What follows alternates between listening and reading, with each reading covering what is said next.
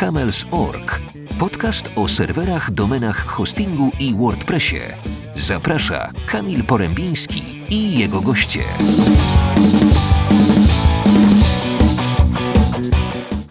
Czym jest wysoka dostępność serwera lub strony? Każdy, kto prowadzi biznes internetowy, powinien być z tym tematem zaznajomiony, a na pewno przypomina sobie go w momencie, kiedy jego strona czy sklep po prostu nie działa. Wtedy biznes, kolokwialnie mówiąc, leży i nie zarabia. A przecież awary się zdarzają. Czy da się tego jakoś uniknąć oraz ile może to kosztować? Prowadząc analogowy biznes, musisz przeciwdziałać wielu niespodziewanym problemom. Zajmując się fotografią ślubną, masz po kilka lustrzanek i kamer. Prowadząc firmę transportową, dbasz o zapasowe auto, części zamienne lub szybki serwis u mechanika. Pewne ryzyka bierzesz na siebie, a innym jesteś w stanie przeciwdziałać. W cyfrowym świecie jest dokładnie tak samo, o czym niestety się zapomina lub tego nie wie. Co gorsza, slogany typu chmura działa zawsze, wgraj to na serwer to nie zniknie, nie pomagają wcale w zrozumieniu tematu dostępności. Czas zatem zmierzyć się z nim, bo jak zapewne się już domyślasz, usługi internetowe potrafią nie działać. Czym jest dostępność? Dostępność jest jedną z podstawowych miar, która określa stopień odporności danego systemu na awarię. Dostępność to czas, w którym dany system lub usługa działa w sposób bezawaryjny. Jeżeli za jednostkę czasu przyjmiemy jeden dzień, a dostępność systemu wynosiła 75%, to oznacza, że świadczył on usługi przez 18 godzin, a w pozostałe 6 godzin nie. Kiedy jest mowa o dostępności systemów informatycznych, korzysta się również z przyjętej klasyfikacji dostępności. Klasa dostępności mówi tak naprawdę, ile jest dziewiątek. Im jest ich więcej, tym ona jest większa. Popularne usługi sieciowe, hostingi, oferują dostępność w przedziale 90% do 99,9%. Oczywiście skala dostępności jest otwarta, zatem nic nie stoi na przeszkodzie, aby oferować usługi z dostępnością na przykład 95%. Czym jest Service Level Agreement? SLA to umowa o gwarantowanym poziomie świadczenia usług. Jest tak naprawdę umową, która mówi m.in. o tym, na jakim poziomie dostępności są świadczone dane usługi. Umowa taka może zawierać również klauzule na temat kar umownych za niespełnienie wymaganej dostępności. Przykładem takich umów może być SLA w chmurze AWS-a.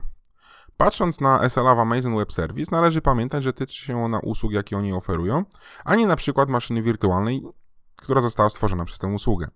SLA dla usługi typu EC2 nie oznacza dostępności tego serwera, a usługi, która umożliwia go stworzenie i zarządzanie.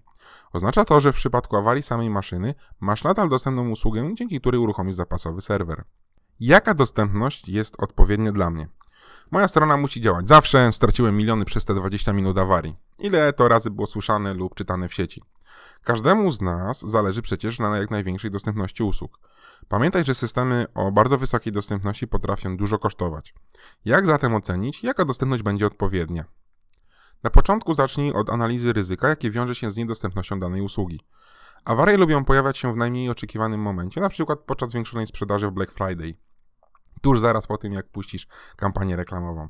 To, że strona czy serwer działały idealnie przez ostatnie miesiące, nie musi oznaczać, że tak będzie jutro. Każdy właściciel biznesu musi zadać sobie takie samo pytanie: przez jaki czas dana usługa może nie działać, aby nie było to groźne? Być może prowadząc sklep internetowy sprzedający jeden rozmiar gwoździ, nie stracimy za wiele, kiedy będzie on wyłączony przez kilka godzin. Co innego, kiedy prowadzimy na przykład system monitorujący parametry życiowe danego pacjenta. Tutaj nie można mówić na temat przestoju w działaniu danej usługi. Kiedy określisz maksymalną i akceptowalną dla Ciebie niedostępność, można wybrać odpowiednią usługę, która sprosta tym wymaganiom. Wysoka dostępność nie jest za darmo i może bardzo dużo kosztować, dlatego czasami warto przyjąć ryzyko po prostu na klatę. Zatem ile może to kosztować? Zdecydowanie więcej niż pojedynczy serwer lub hosting. Gwarantowana wysoka dostępność, np. klasy czwartej, jest to miesięcznie około 4 minut niedostępności usługi, wymaga odpowiednio rozbudowanej infrastruktury, m.in. większej liczby serwerów, urządzeń sieciowych, Sprzęt lubi płatać figle, dlatego maszyny powinny być co najmniej zdublowane. Administratorów pracujących w trybie zmianowym. Awarie nie biorą wolnego i potrafią wystąpić nawet święta, zatem ktoś musi być na dyżurze, aby im przeciwdziałać. No i oczywiście odpowiednie oprogramowanie. Sama strona internetowa czy aplikacja musi być przygotowana do tego, aby potrafiła działać na wielu serwerach jednocześnie. Do tego dochodzą jeszcze zapasowe łącza internetowe, możliwość wymiany podzespołu serwera w czasie jego pracy, zapasowe zasilanie, monitoring, testowanie infrastruktury itd. Tak Jest tego naprawdę dużo. Nie będzie wielkim odkryciem stwierdzenie, że strona oparta o jeden serwer działa tak długo, dopóki on się nie zepsuje. A co może się popsuć? Na przykład dysk twardy, zasilanie lub chłodzenie.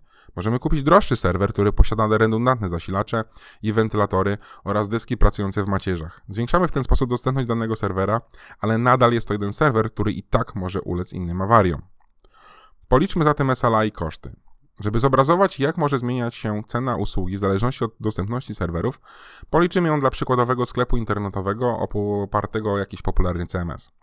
Dla uproszczenia pominięte zostaną takie rzeczy jak kwestia programowania, czas reakcji administratorów, dostępność sieci oraz to, w jaki sposób serwery są ułożone w data center.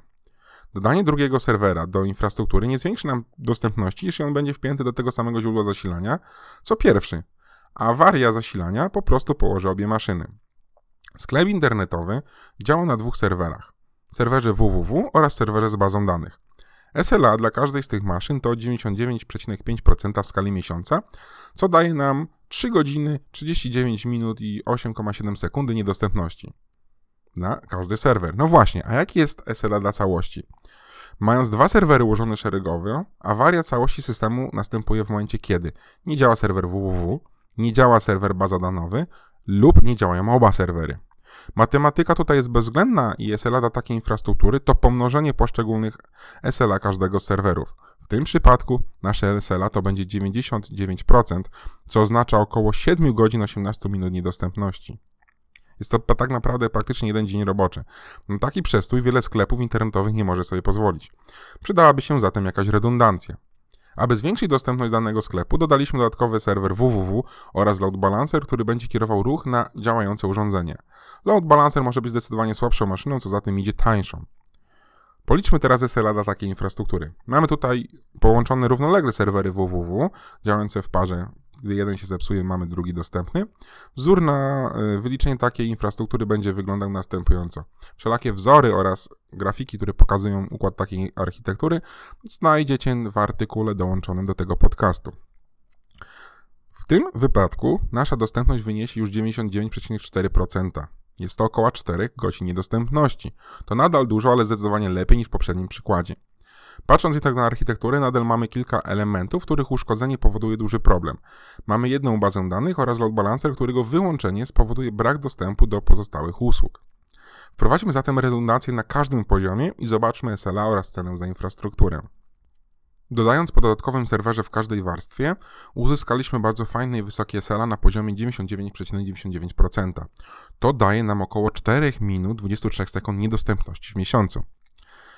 Jest to całkiem fajne i przyzwoite SLA. Niestety cena też jest wysoka i prawie 2,5 raza większa niż e, w momencie, kiedy zaczynaliśmy budować infrastrukturę.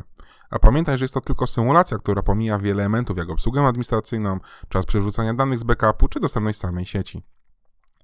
Decydując się na rozwiązanie konkretnej dostępności, powinieneś zastanowić się, jaki realny wpływ na Twój biznes ma każda godzina przestoju. Prowadząc małego bloka możemy wybrać zwykły hosting, a budując dużą aplikację webową dla kilka tysięcy ludzi, wybrać redundantne rozwiązania. Możemy też liczyć na szczęście, że jeden serwer będzie działał zawsze. Awarie są jednak jak upadek na twardy chodnik z dużej wysokości. Bolą.